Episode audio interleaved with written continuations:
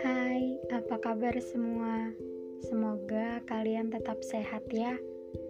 Sebelum cerita kali ini dimulai, saya mau podcast ini jadi podcast yang santai tapi rasanya tetap sampai. Hmm, saya pernah ada pada posisi tulus menyayangi, berusaha jujur tentang apa yang terjadi, sampai akhirnya saya dibohongi. Sikapnya yang makin lama makin berubah, bikin saya jadi detektif yang negatif thinking, sama perubahan-perubahan dia yang gak saya harapkan. Iya, negatif thinking yang menuhin isi kepala saya dan bawa saya keliling jauh. Yang gak tahu tujuan dan arahnya ke mana, isinya cuma hal macem-macem yang saya gak suka. Ya, walaupun saya tahu kenyataan terpahitnya adalah dia memang mengkhianati saya dan menyakiti saya. Ternyata ya, di balik perubahannya itu ada wanita yang ia perlakukan sama dengan saya bahkan lebih.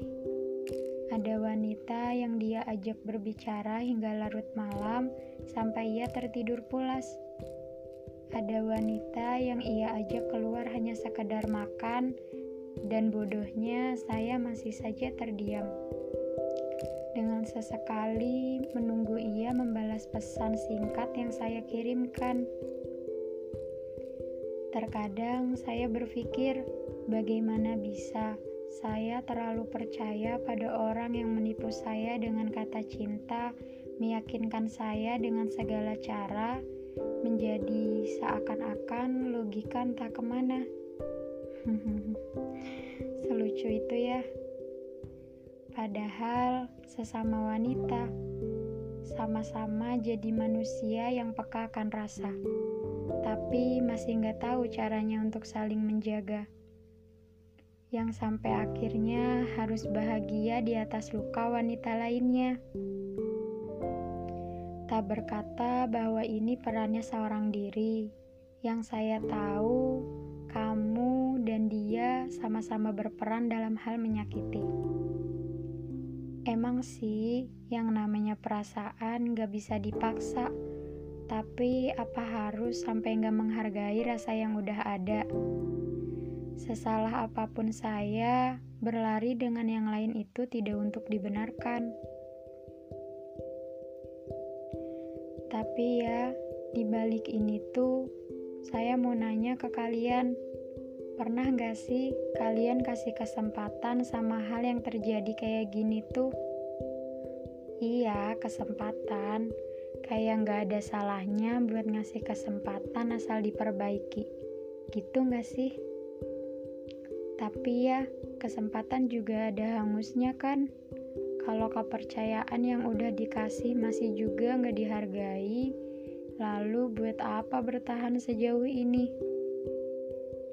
Bukan tidak ingin memperjuangkan, tapi jika hanya saya yang berjuang, bagaimana bisa hubungan yang didasari dua orang tetap bisa berjalan? Gak apa-apa, sedih dulu gak jadi masalah kok. Emang gak bisa dibohongin. Kalau ditanya kenapa, ya gak mungkin saya jawab gak apa-apa. Sedangkan hati sedang berada di titik hancurnya. Jadi sekarang kayak ya udah deh, mau gimana lagi?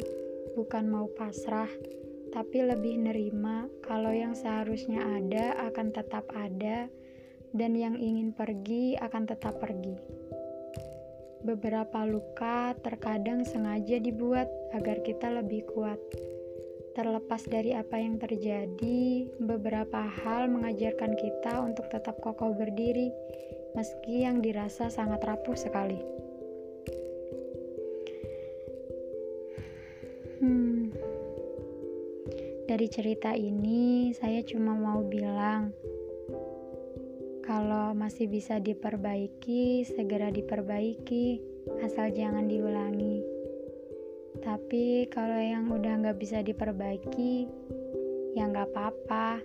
Yang penting, jangan memaksa bahagia hanya karena masih ada rasa.